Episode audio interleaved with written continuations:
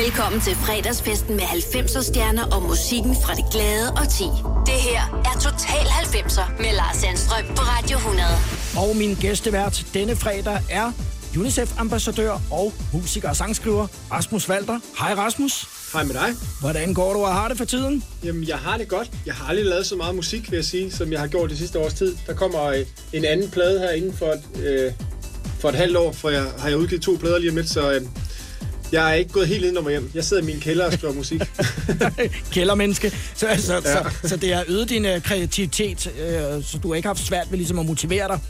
Ah, nu skal jeg passe på, hvad jeg siger. Jeg synes at generelt, motivation er altid en svær øh, ting. Men øh, nej, jeg synes, øh, altså min kælder, det er sådan et sted, jeg kan flygte ned fra både øh, fra skrigende børn, så på den måde er det en meget god motivation at komme ned og skrive noget musik. Ja. Et beskyttelsesrum.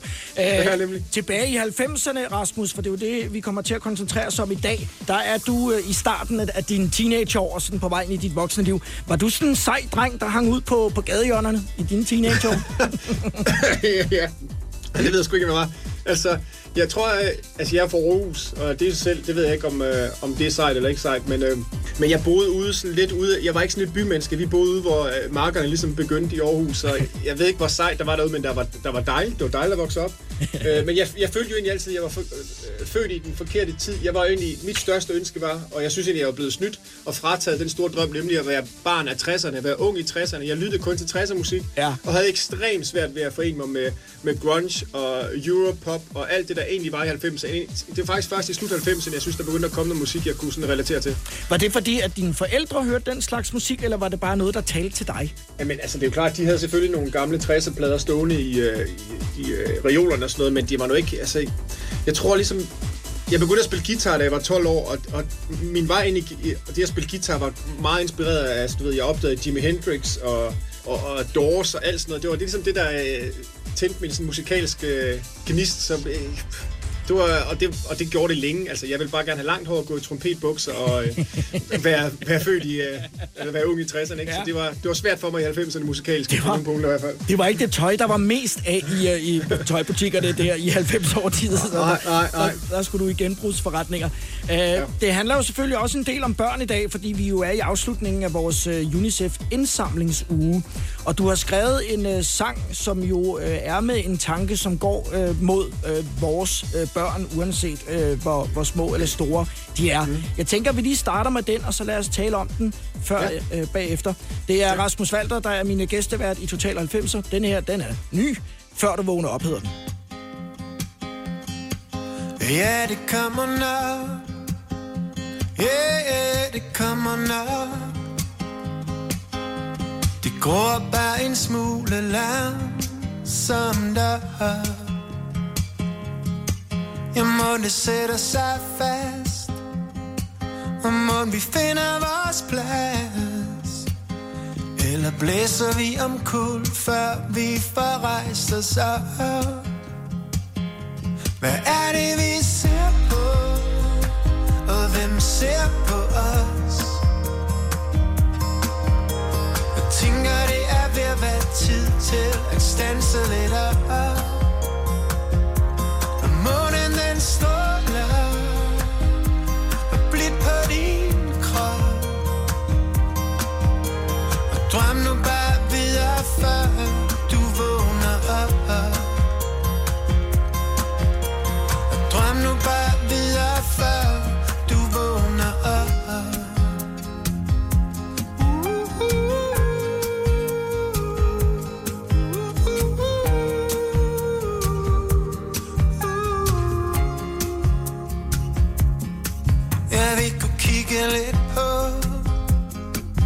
stå og kigge lidt på.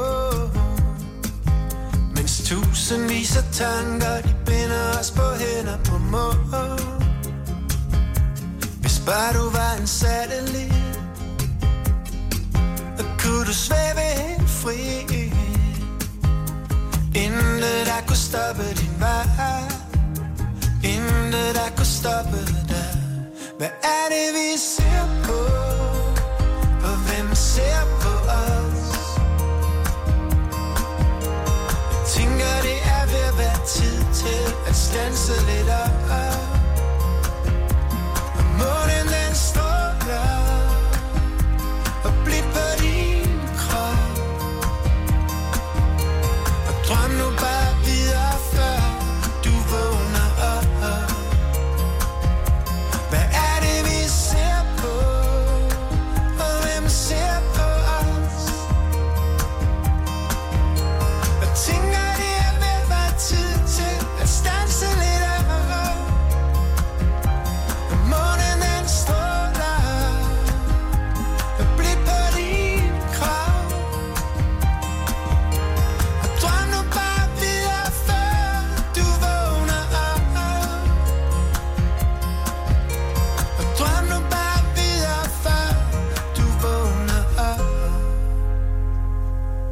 Rasmus Walter i en uh, UNICEF special udgave af Total 90'er og uh, med uh, Før du vågner op.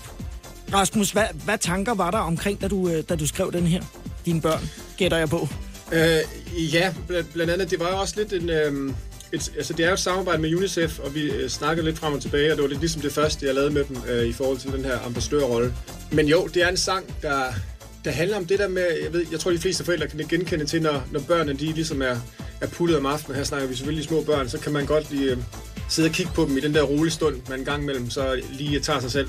Og tænke over lidt over, at, øh, hvad kan man sige, hvor beskyttet og hvor godt vi egentlig har det her i Danmark, og vores børn, de kan faktisk gå rimelig trygt i seng, de fleste af os i hvert fald. Og, og det, det sætter nogle tanker omkring, at, øh, at selvfølgelig burde alle børn have, have ret til at kunne, øh, kunne sove trygt og drømme trygt, og, øhm, og det er jo i virkeligheden de voksnes ansvar, at de kan det, så det er egentlig det, det handler om. Jeg kan fortælle dig, at øh, min søn han er 18 år, og når han er hjemme, så øh, bruger jeg også af til øh, lejligheden til at kigge på ham, når han sover. Øh, det, det stopper man altså ikke med. Og, og det han, vil er, have det, han vil have det, hvis, du, hvis han vidste, du gjorde det, tror jeg. Han vil, hvis, han, hvis han kiggede på mig, så vil han bare spørge, hvad laver du? Og gider du gå ud? ja, men... Gider, du, gider du gå ud herfra? Men, men det er jo også bare for at sige, at det der med, øh, at man har øh, en, en særlig tilknytning til sine børn, selvfølgelig, den, den stopper mm. jo ikke, øh, selvom at de, øh, de bliver. Nu øh, tager vi Crowded House og Weather With You, som er øh, den første, du har valgt, Rasmus, så taler vi om den bagefter.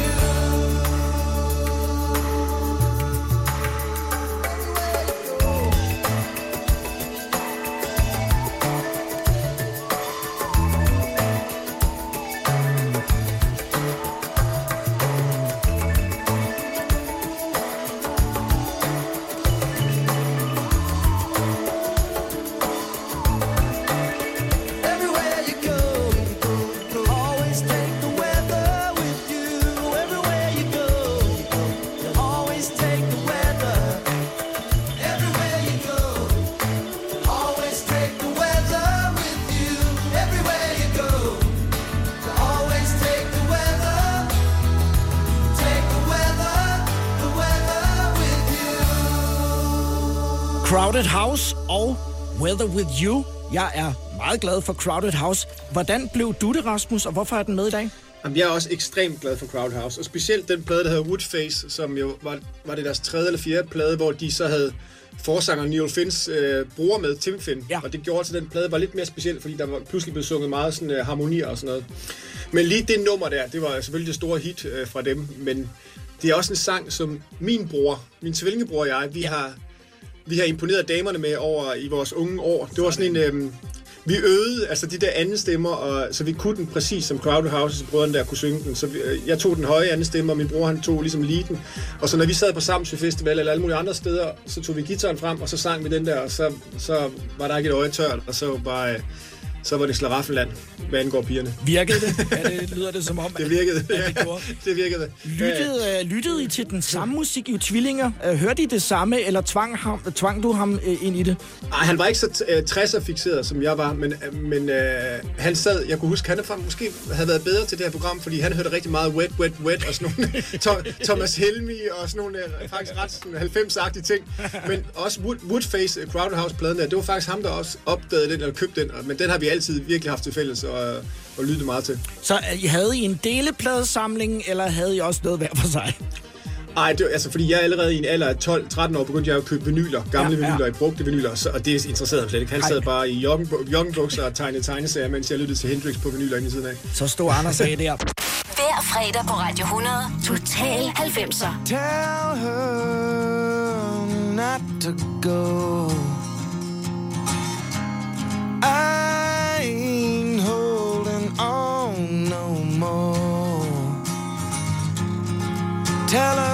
Something in my mind freezes up from time to time.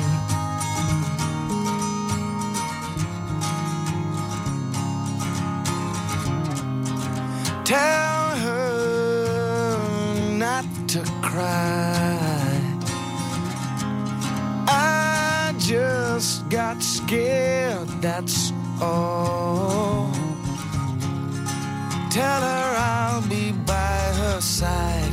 All she has to do is call. All she has to do is call.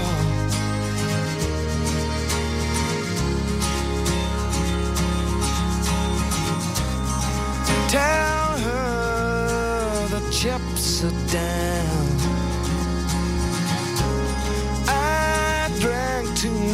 And shouted it aloud.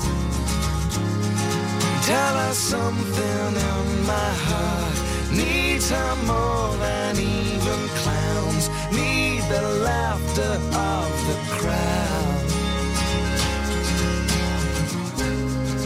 Tell her what was wrong.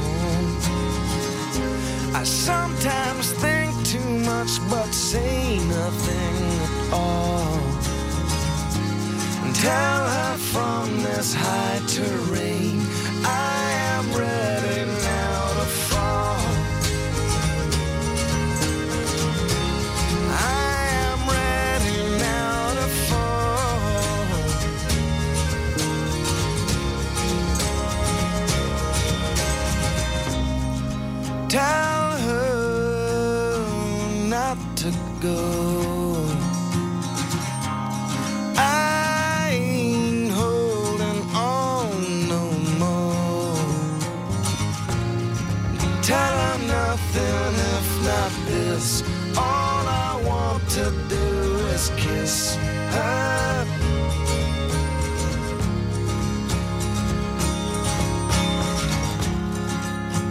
there's something in my mind freezes up from time to time.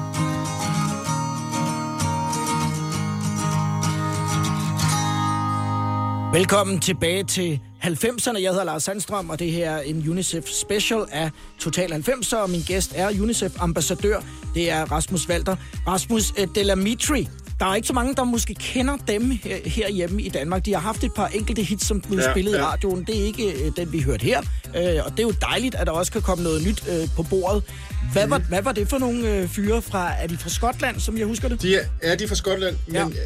og det var helt klart også et af de der hits, de havde, som også nåede til Danmark. Jeg tror, hed den Roll With It, øh, som ja. er fra den plade også. Øh, men jeg tror, altså, det var et af de bands, som jeg på en eller anden måde kunne forholde mig til øh, i 90'erne der, hvor alt andet handlede meget om øh, enten grunge eller sådan meget super pop. Så var de sådan... Øh, de havde alligevel noget håndspillethed over sig, og, og lige den plade der, som hedder, twi- hed den Twisted, eller sådan noget.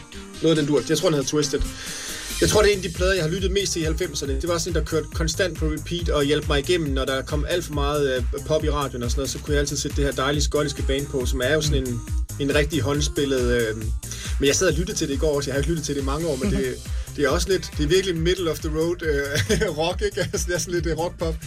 øh, men jeg tror helt klart også, at det... Altså, når jeg sådan hører min egen sangskrivning, af det tidlige sangskrivning, så er det helt klart også har været en inspiration til sådan... Øh, kan, det er der flere af de numre her, jeg vil spille i dag, som ja. helt klart har været min sådan indgang til mus- musikken også. Det er min indgang til at skrive musik. Så jeg tror helt klart, at Delamitio har haft en lille hånd med i sådan min måde at, at lave melodier på og sådan noget. Nothing Ever Happens er også et øh, fedt, Ja, fedt nummer. Ja. nummer. Øhm, hvad, havde du skrevet dine første sange, sådan, inden at du øh, blev voksen, om jeg så må sige?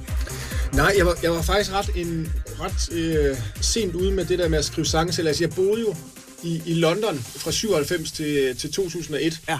hvor jeg egentlig øh, øh, spillede guitar i forskellige bands, men var aldrig forsanger, og var egentlig heller ikke sådan primær sangskriver. Det var først, da jeg vendte tilbage til øh, København i, i et, der, at jeg faktisk skrev de første sange, og der har jeg været sådan noget øh, 23 år gammel, før jeg øh, satte tekster på og begyndte at skrive og synge min egen sang, så det var egentlig ret sent.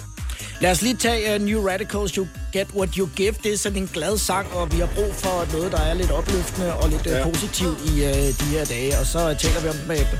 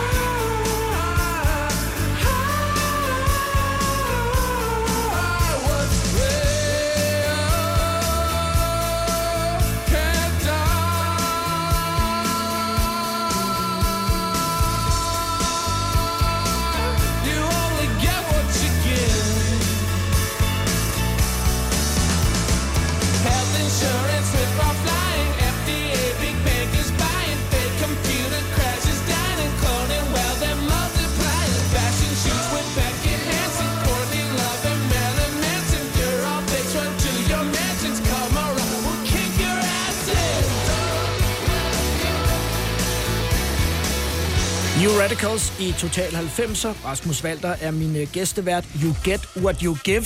Er det, er, det sådan en, er det sådan en god sætning for en sangskriver? Ja, det, ja, det er jo til at forstå, Man, det er sjovt, det der med titler. Øh, fordi de skal også i sig selv nogle gange være catchy. Jeg har, jeg har så dummet med, at lige med så udsender jeg en single, der hedder Jeg drømte om en rød, lavt hængende sol. Der har jeg allerede skudt mig selv i benene. Jamen, så kan man huske den.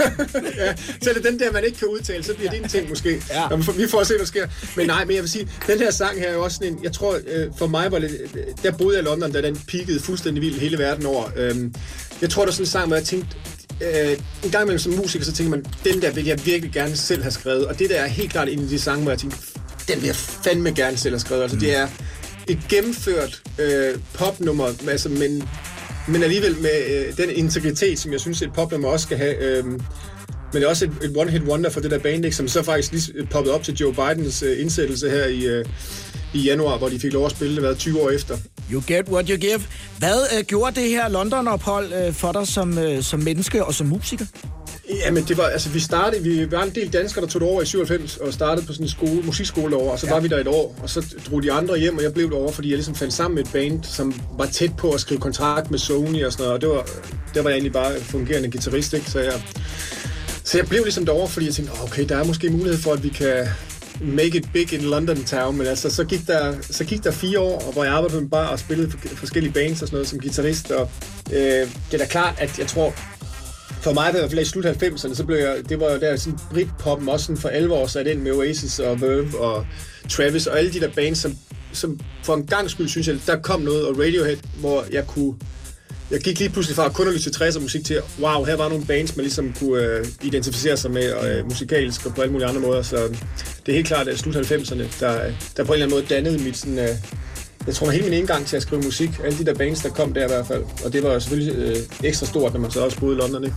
Så havde du det med hjem i bagagen i Danmark. Det er Rasmus Valder, der er min øh, gæstevært, og det er afslutningen på vores UNICEF-indsamlingsuge. Hvis du har lyst til at støtte op om UNICEFs arbejde, så har du muligheden for at donere 100 kroner ved at sende sms'en støt til 1900, og samtidig er du også med i lodtrækningen om et oplevelsesgavekort på 5.000 kroner. Rasmus, nu hører vi Dave Matthews Band, og så må du lige forklare mig lidt om det øh, bagefter. Her er den, Walter, Rasmus Walter, Crash Into Me.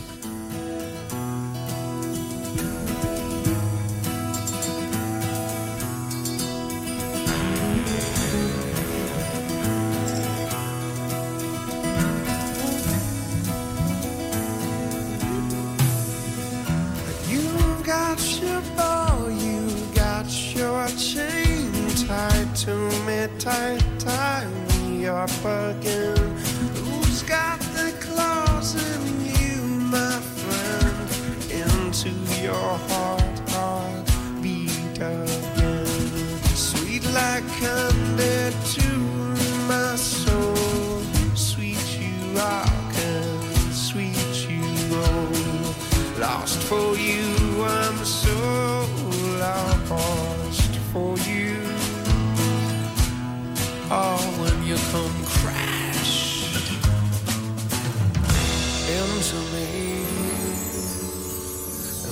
And I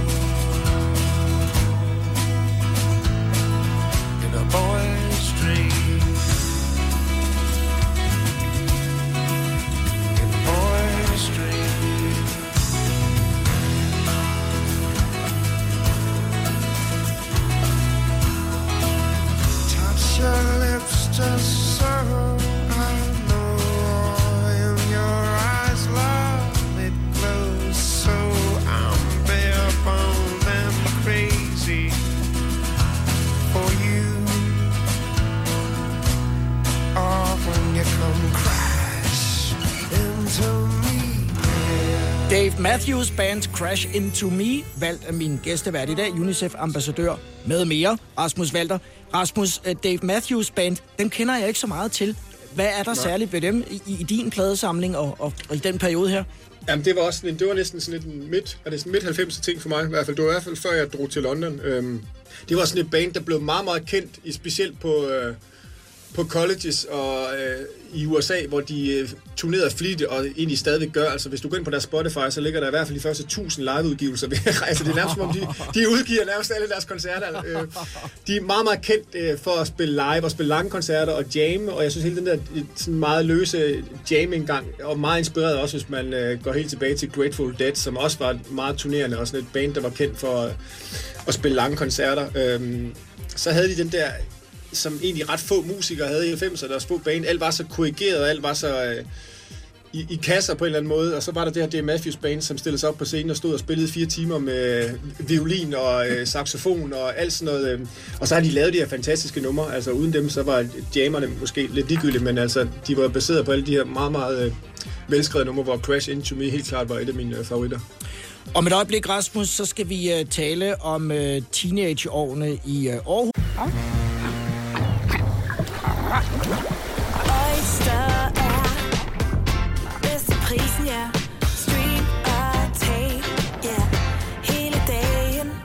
Regningen er ikke slem, for prisen er på Oyster har vendt prisen helt på hovedet. Nu kan du få fri tale 50 GB data for kun 66 kroner de første 6 måneder. Oyster, det er bedst til prisen. I Føtex har vi altid påsken små og store øjeblikke.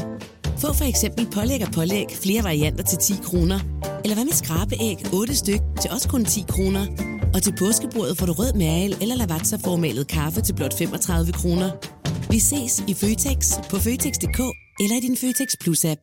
Haps, haps, haps. Få dem lige straks. Hele påsken før, imens billetter til max 99. Haps, haps, haps nu skal vi have... Orange billetter til max 99. Rejs med DSB Orange i påsken fra 23. marts til 1. april. Rejs billigt, rejs orange. DSB, rejs med. Hops, hops, hops. Der er kommet et nyt medlem af Salsa Cheese Klubben på MACD. Vi kalder den Beef Salsa Cheese, men vi har hørt andre kalde den Total Optor.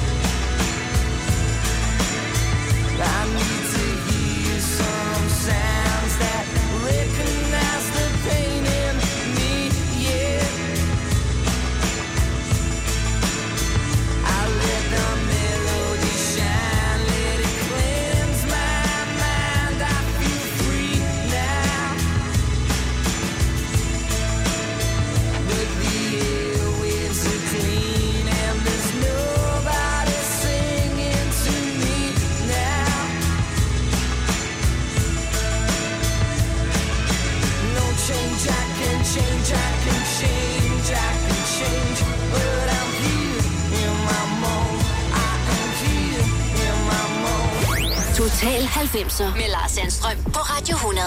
Bittersweet Symphony. Rasmus Walter er min gæstevært, der har valgt musikken. Rasmus, jeg så videoen ved et tilfælde, faktisk, øh, forleden dag øh, igen, og Ja. jeg tænker, at du godt sådan kan se den for dig med Richard Ja, ja. Ashcroft der, der, Ja. Der går i one take øh, ned af, mm. af gaden. Minder det der i øvrigt meget om, om, da du boede i London? For det, det ligner meget, den er optaget der. Ja, ja, det, det er totalt uh, London vibe, når man ser den der. Og hele den der sådan lidt uh, cool britstil, ikke? Han er, jeg, som jeg husker det, så er han rimelig øh, arrogant. Det er Ja. ja. så også en del af videoen. Ja. men den der sådan uh, brit på de, der var en vis, uh, jeg ved ikke om arrogance, men der var helt klart den der rockstjerne motherfucker over mange af de der brit, altså Oasis og Verve og sådan noget. Ikke? Det var virkelig... Uh, hooligans, der var på en eller anden måde var, var, tæmmet, og så havde de uh, fundet ud af, at de kunne spille musik også, ikke? Ja. Der, der var du ikke helt på samme måde. Nu kender vi hinanden lidt, og det er ikke lige det, jeg tænker på. Nej, jeg tænker jeg på har dig. ingen, ingen hooligan baggrund på nogen måde. Nej. Hvad gjorde du, øh, Rasmus, der i dine øh, teenageår i, i Aarhus, hvor de andre pludselig begyndte at høre sådan noget Tour Unlimited og, og Dr. Al, Dr. Alban? Øh, Ja. hvad, hvad gjorde du så, når de dansede Åh, til det? Jamen, prøv, fordi jeg, så, det kan godt være, at jeg ikke satte det på derhjemme, men det var jo en del af mit, øh, hvad, når man gik til diskotek, eller hvad det nu Mm. hed dengang, i, øh, på diverse kælder eller gymnasiefester, ikke? Og I var i Børiskovhallen. Jamen, prøv, jeg, var, jeg, jeg har altid hadet at danse, så jeg var altid... Jeg var, men altså, det er jo klart, man... Øh, det er også svært ikke at synge med på. Altså, det, det, er- det appellerer til, øh, til hooligan i hvert fald, hvis man har sådan en ikke? øhm, men nej, det sagde det ramte sgu, altså jeg har altid været meget sådan, at det skal ramme mig i hjertet, og det der ja. musik er jo ikke lavet til at ramme ind i hjertet, det er lavet til at ramme ind i, i fødderne, og, og jeg er ikke en stor danser, så jeg har altid ligesom gået den lidt mere, øh, skal vi kalde det, lidt mere følelse, som jeg var, hvad angår musik. Men jeg kan da, godt- jeg kan da godt øh, sætte pris på en god popsang også, og der var der nogle gode nogle i 90'erne. Ja. Du var mere café kind of guy, da du, øh, da du blev gammel nok ja. Til at, Ja. at, se, Ja, ja, det er noget. og tænke store tanker. Uh, lad os Ja. lige tage uh, Bruce Springsteen med uh, Secret Garden. Det er faktisk ikke et nummer, jeg kender så godt, så lad os uh, tale om det bagefter. Den er valgt af Rasmus Walter her i Total 90 i dag.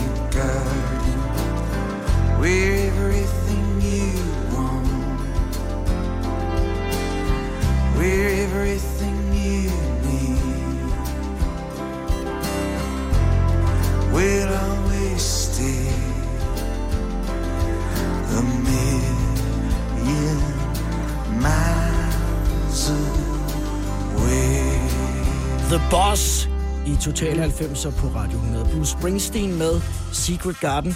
Rasmus, du har valgt sangen, og det er faktisk ikke en, jeg kender øh, så godt. Hvad er der særligt med den for dig? Jamen, altså, jeg opdagede det. Jeg er ikke engang sikker på, om. Jeg tror måske, den er skrevet til Jerry Maguire-filmen. Den er i hvert fald med deri. Jeg kan godt... Jeg kan ikke huske, om den er på en anden plade også, men den er i hvert fald øh, skrevet til den, den film, jeg er ret sikker på.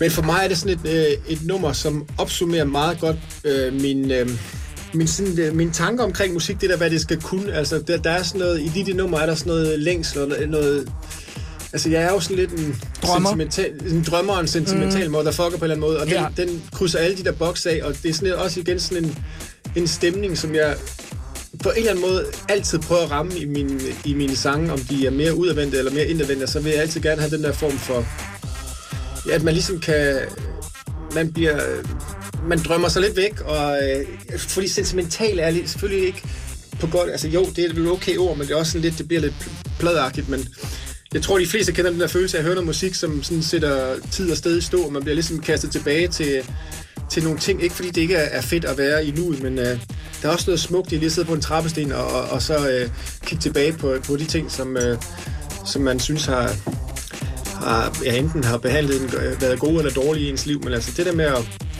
at få, få sat nogle tanker i gang omkring... Øh, hvem, hvem man selv er, hvem man er, og hvem man har været og hvor man skal hen. Det er sådan et nummer, øh, det kan det i hvert fald. Kan man godt sådan gå ind og kigge på og sådan lure af, hvordan eksempelvis sådan en som Bruce Springsteen øh, skriver musik, og så ligesom øh, blive inspireret eller, ta- eller tage noget derfra? Man kan, jo ikke, man kan jo ikke se, hvad de tænker, øh, kan man sige. Men men kan man godt sådan analysere det på den måde som sangskriver?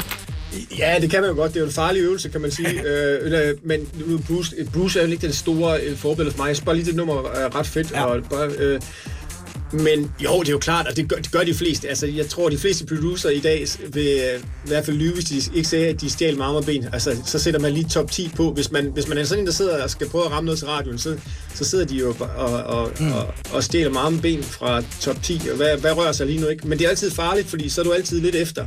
Det er, det er jo altid federe at være den, der ligesom opfinder den nye top 10, end den, der kommer med de numre, som minder om noget, der er i top 10. Fordi så er de folk allerede videre. Så det, det der er altid, jeg tror, for de fleste mennesker, der, der laver musik og går i studiet og producerer, så er det sådan en, en balancegang mellem at selvfølgelig være aktuel og være en del af den lyd, der måske er lige nu, men, men det er også det er pissefarligt, for du ender med at falde mellem to stole, ikke? Øh, hvis det, der går alt for meget sådan læftende i den i forhold til at producere noget, der skal, der skal kunne sig på radio, fordi så, så falder det sgu tit øh, lidt ved siden af. Man skal, sgu, øh, man skal gå med sit eget instinkt og så håbe på, at det er det nye shit.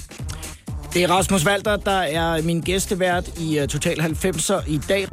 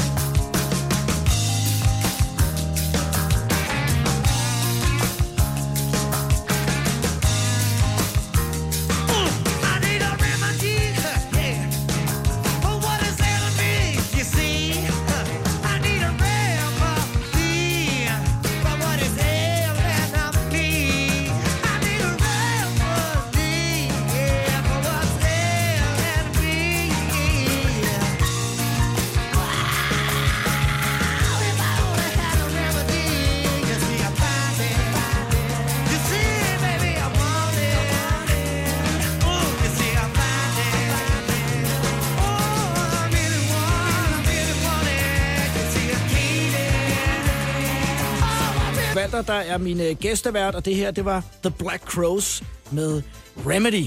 Tim Robinson, som jeg mener, eller Tim Chris.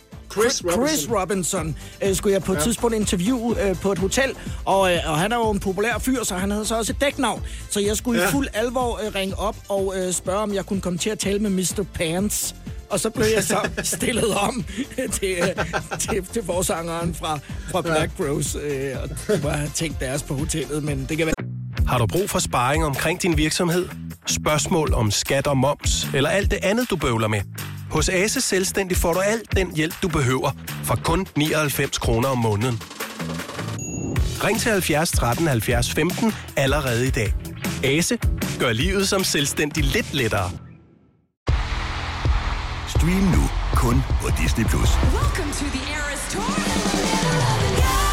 Oplev Taylor Swift The Eras Tour, Taylor's version. Med fire nye akustiske numre.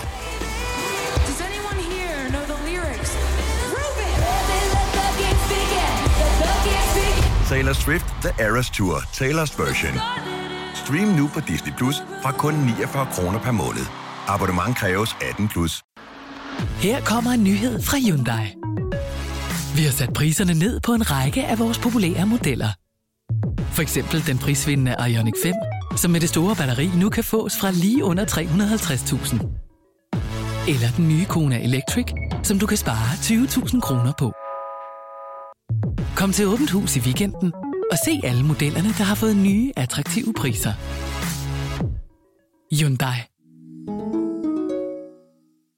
Kom til Spring Sale i Fri Bike Shop og se alle vores fede tilbud på cykler og udstyr til hele familien. For eksempel har vi lynedslag i priserne på en masse populære elcykler. Så slå til nu. Find din nærmeste butik på FriBikeShop.dk. De er vant til den slags. Velkommen til fredagsfesten med 90'er stjerner og musikken fra det glade og ti. Det her er Total 90'er med Lars Sandstrøm på Radio 100.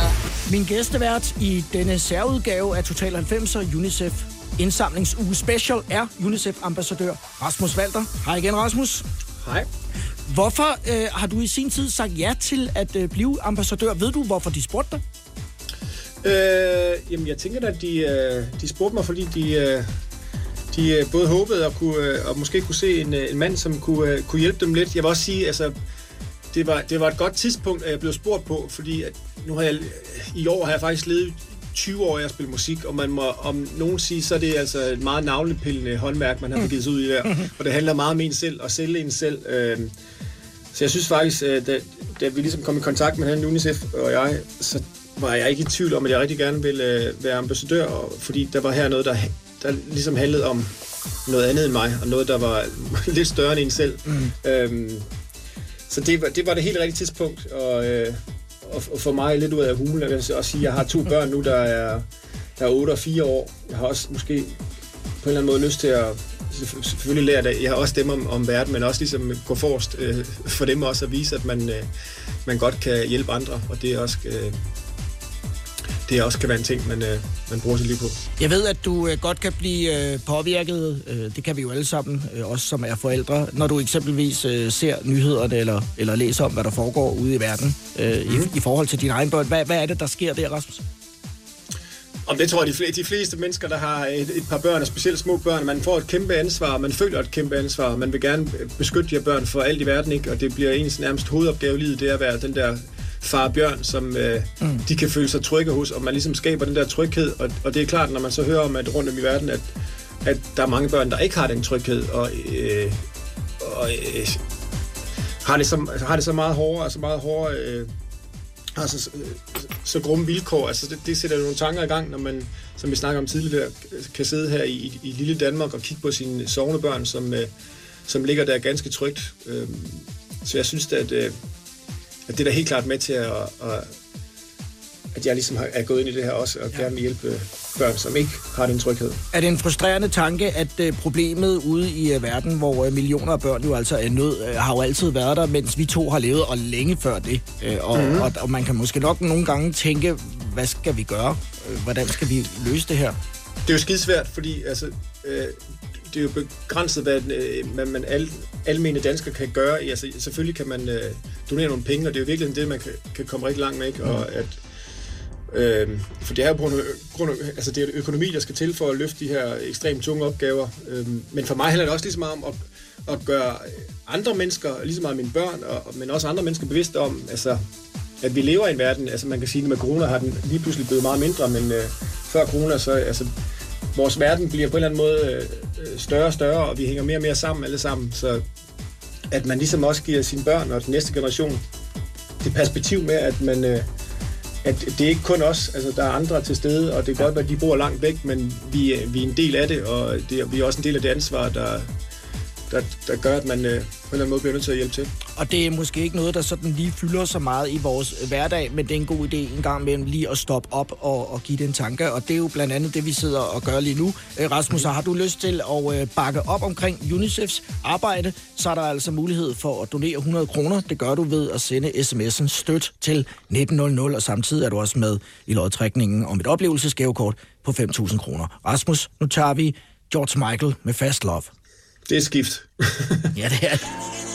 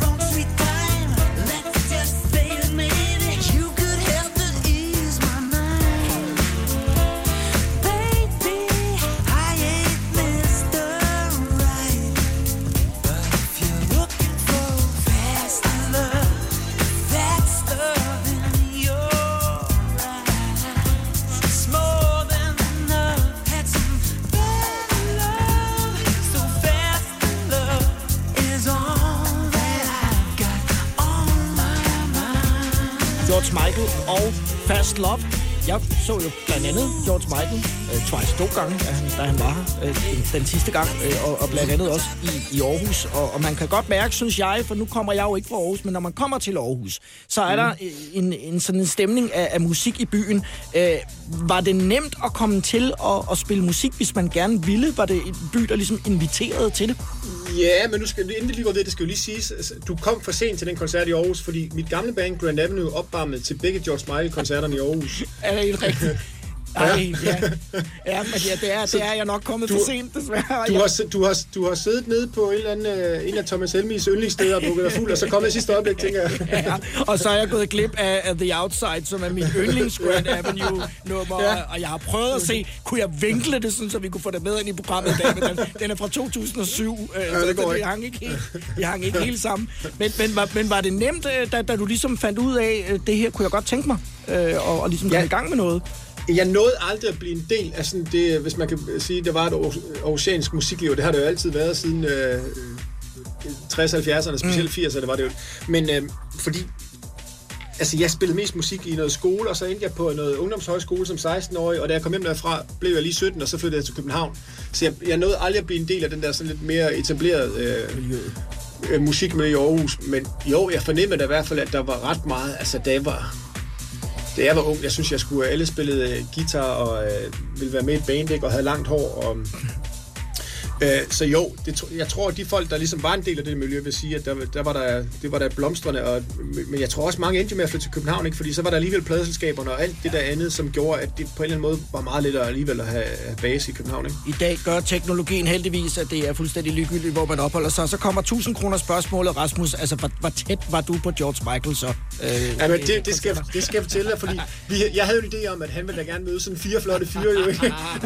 men øh, han kom aldrig og sagde hej til nogen af vores... Øh, men, men til gengæld, så på anden aften, så fik jeg drukket mig så meget øh, en brændert på over, at vi har spillet de her to store stadionkoncerter. Ja. Så jeg forvildede mig faktisk... Jeg tænkte, at nu skal jeg lige op backstage. Vi havde sådan noget access over det area, så jeg på en eller anden måde forvildede mig nærmest ind, og lige så stod jeg faktisk... Jeg var et skridt for at komme ind på scenen. Jeg stod lige bag en eller anden bongo-spiller eller sådan noget.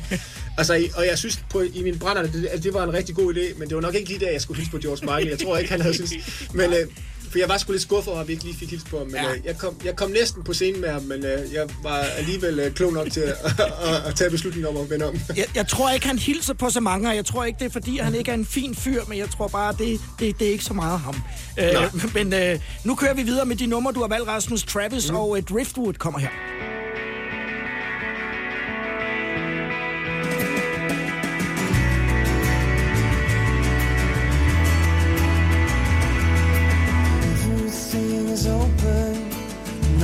Set in stone. Rivers turn to ocean, oceans tide you home. Home is where the heart is, but your heart had to roam. Drifting over bridges, never to return. Watching bridges burn.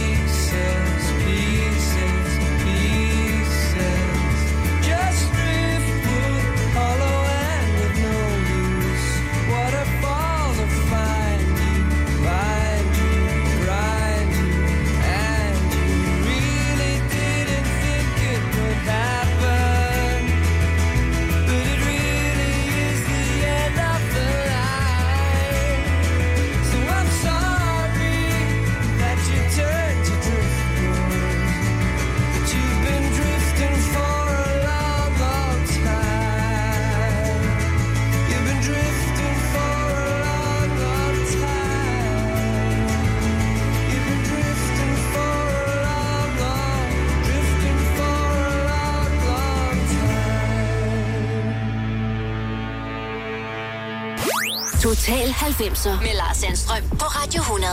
Travis i Total 90'er på Radio 100, valgt af mine gæstevært i dag, Rasmus Walter. Jeg tror, der er nok en del, der kender Why Does It Always Rain On Me. Jeg tænker også, det er sådan en sang, også rent tekstmæssigt, som appellerer lidt til dig, uden at skulle gøre dig for meget til tude, tude, tudekaj. Men, men du kan godt lide den der øh, melankoli, og, og, og de, de, de, de kunne sgu noget. Øh, hvor, Ja. Hvorfor har du lige taget den her med? Jamen, du skulle sige, det er også sjovt med, hvordan folk opfatter musik. Altså, melan- melankolsk musik får jo ikke meget til at tude. Det gør mig jo ekstremt glad. Men ja. det er jo sådan, om, og der er nogen, der bliver glade at høre heavy. Jeg bliver dybt deprimeret, hvis det bliver... Altså, du ved, det er sjovt, hvad der lige trigger en, men, men melankolsk musik, det får et smil frem hos mig. Ja. Øhm, Travis, det er helt klart... Altså, den har jeg valgt, fordi at det er simpelthen nærmest hele udgangspunktet musikalsk fra mit første band, uh, Grand Avenue. Mm. Øh, og det er også tydeligt at høre på i hvert fald den første plade, udover selvfølgelig, vi også blev sammenlignet med Coldplay, så vi var meget mere, sådan- vi var så kæmpe Travis-fans, at det, det spejler fuldstændig igennem. Hele min indgang til det der med at lave plader og starte et band, det var totalt inspireret af, af Travis. Og øh, de havde også på en eller anden måde den der, hvor man havde Radiohead og måske også til dels Coldplay, de var sådan lidt, de lavede både melankolsk musik og var også ret melankolske egentlig at høre på interviews og se på, hvor Travis, de havde det der, vi har den her melankolske musik, men vi er egentlig faktisk ret glade, og vi er øh, fra Skotland, og vi kan godt øh, stå og crack en joke på scenen, så de var lidt det modsatte af Radiohead på en eller anden måde. Øh, og det appellerede helt klart meget mere til mig, at man godt kunne have det der øh, melankolske øh, hjerte, øh, der bankede for musikken, og så samtidig øh, kunne man faktisk godt leve et, et, et, et halvlykkeligt liv. ja. Og når nu der blev sagt så mange pæne ting om, om Grand Avenue, og det, og det så ikke blev til det store øh, verdens øh, gennembrud, hvor lang Mm. tid går der så, Rasmus, fra at du ligesom siger, øh, nu, nu, nu parkerer vi Grand Avenue, til at du ligesom tænker, "S- nu gør jeg det på egen hånd og, og på en anden måde? Jamen, det var, det var jo en pause. Vi har lavet fire plader med Grand Avenue i... Den sidste udkom i 9, og så sad vi i, i 10 og gik i, i øvelokalet igen og begyndte at skrive, og der kunne man bare mærke, at det der ægteskab, der havde været i 10 år, det, det havde i hvert fald hårdt brug for en pause. Øh, og jeg havde en masse sanger og idéerne liggende i skuffene fra de sidste 10 år, som på en eller anden måde ikke havde kunne finde vej, for så var det for poppet eller et eller andet. Ikke? I, så pludselig, da vi ligesom øh, gik, blev enige om at holde den der pause, så, øh, og min bror fik overtalt mig til, at jeg skulle synge på dansk, så gik det altså ikke mere end øh, tre, 3-4 uger eller sådan noget, så jeg nærmest stadig omridset til, omridset til den første danske plade. Så jeg tror, den lå virkelig og ventede. I hvert fald, der lå i hvert fald en eller anden øh, forløsning i at få lov at ikke skulle øh, gå på kompromis musikalt, som man jo gør med et band, og det er selvfølgelig på godt og ondt. Men lige pludselig at få lov til at bare sidde og, øh, og, og lave sit helt eget, uden nogen skulle, øh, og uden nogen forventninger. Der var ikke nogen, der vidste, der kom en dansk plade, så det, det, det var sådan ret... Det var totalt frit, øh, sådan en musikalsk legestue, hvor jeg kunne gøre, hvad der passede mig. Det, øh, det havde jeg virkelig brug, efter, brug for efter sådan 10 år i musikalsk ægteskab.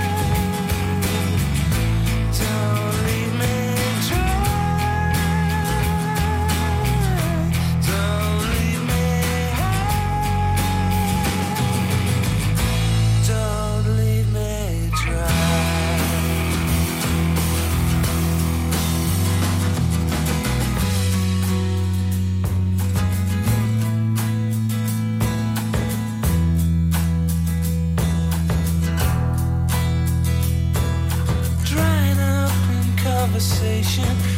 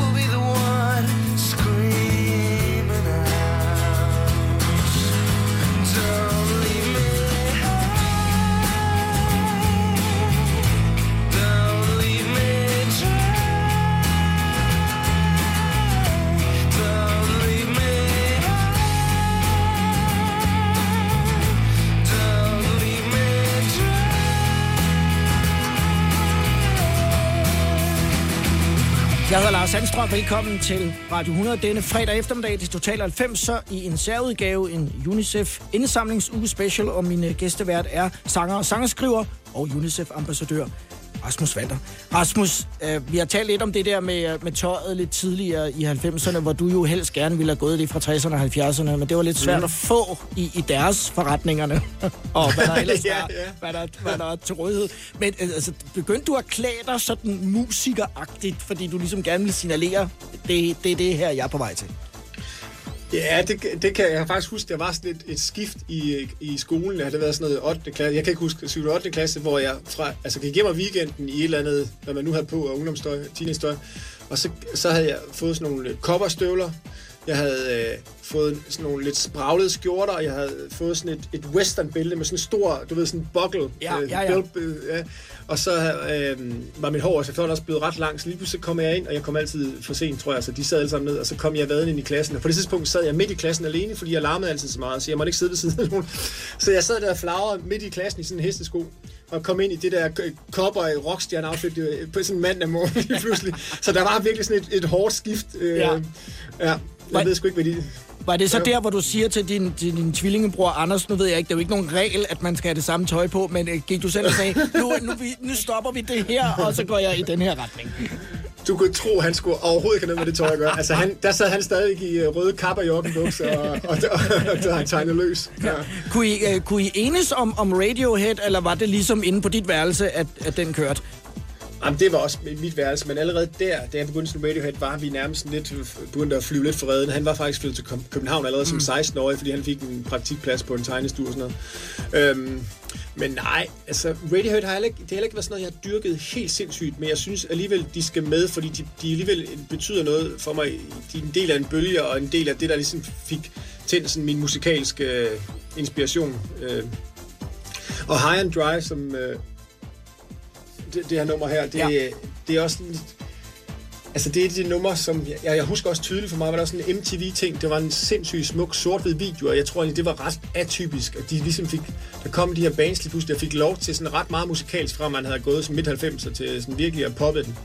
Til pludselig var det okay at lave sådan lidt øh, kunstneriske projekter, og som, og som MTV dengang spillede, man kan sige, meget af det her musik, som jeg spiller i dag, og Radiohead og alt det der, det er jo sådan noget, der hører til på P6 Beat, og er blevet sådan, er blevet sådan noget, man kalder indie rock, ikke? Altså, Ja. hvor, altså, der, i slut 90'erne var det jo totalt mainstream, øh, og, og lave en sort-hvid video med folk, der øh, fløj rundt og sådan helt artistisk, og, øh, og det, er sgu, det er egentlig spændende at se, om, der, om man kan nå hen til sådan en periode igen, hvor man musikalsk har lidt... Øh, Ja, hvor måske det der, hvor det smalle bliver mainstream. Altså, det er jo ikke lige, sådan lige nu. Der er, så, man kan sige, der er så mange forskellige øh, forgreninger af musik og, og, og steder og, og kaninhuller, man kan hoppe ned i. Så det er måske også svært at samle folk. Den der sådan...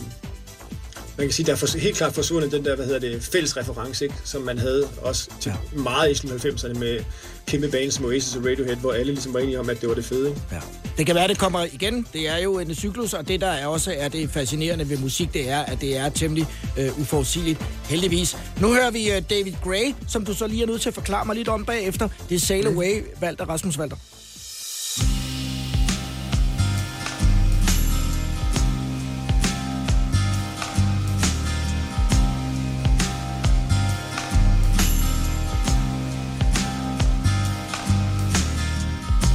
Sail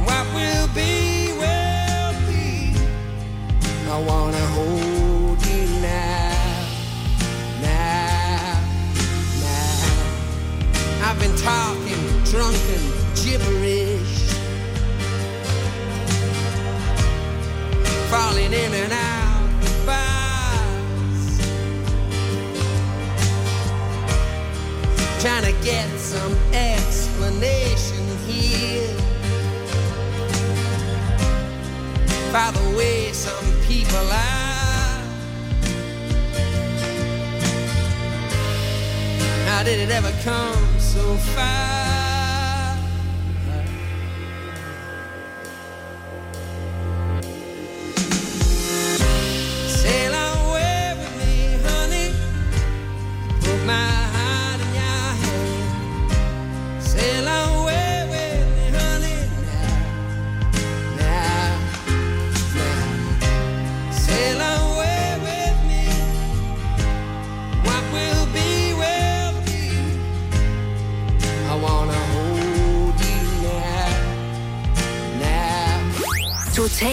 90'er med Lars Sandstrøm på Radio 100. Total 90'er, det er Rasmus Walters yndlingsnumre fra 90'erne i hvert fald. Nogle af dem, og øh, de er jo særligt udvalgt til i dag. Rasmus David Gray, ham er du nødt til at forklare mig en lille smule om, for jeg kender godt navnet, men jeg er altså ikke inde i musikken, og den her hed Sail Away. Mm. Jamen, han var også, altså det var også på det tidspunkt, jeg boede i London i slut 90'erne, han poppede øh, frem og blev kæmpe, kæmpestor med en plade, der hed White Ladder, hvor det første single, tror jeg, hed Babylon, og der var nogle forskellige. Men igen var det også sådan lidt det der med, altså, at sådan en singer-songwriter-type kunne slå igennem og blive så stor, det ville aldrig rigtig kunne gøre helt i dag på samme måde, tror jeg.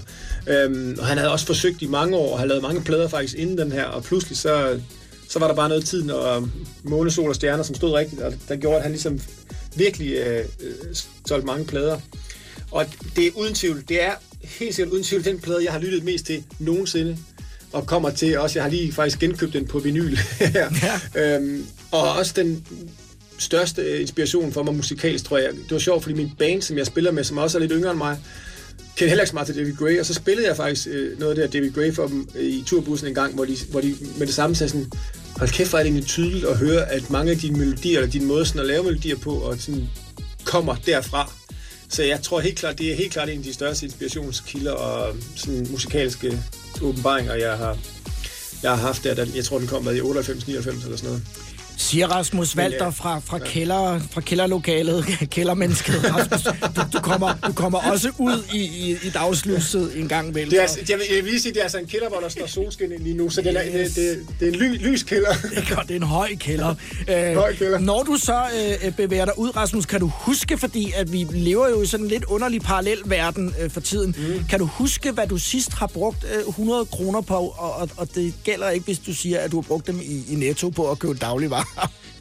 Det ved jeg godt, fordi ja. i, øh, i går, der var jeg overspillet fodbold med min søn, og der er sådan nogle, på sådan en nedgravet fodboldbane, er der sådan nogle øh, øh, rør, hvor vandet kan løbe væk, hvis der kommer oversvømmelse. Ja. Og i sådan et rør, der passer en fodbold nærmest lige præcis. Og så sagde jeg til ham, hvis du kan ramme ind i det der, så får du 100 kroner. Er det rigtigt?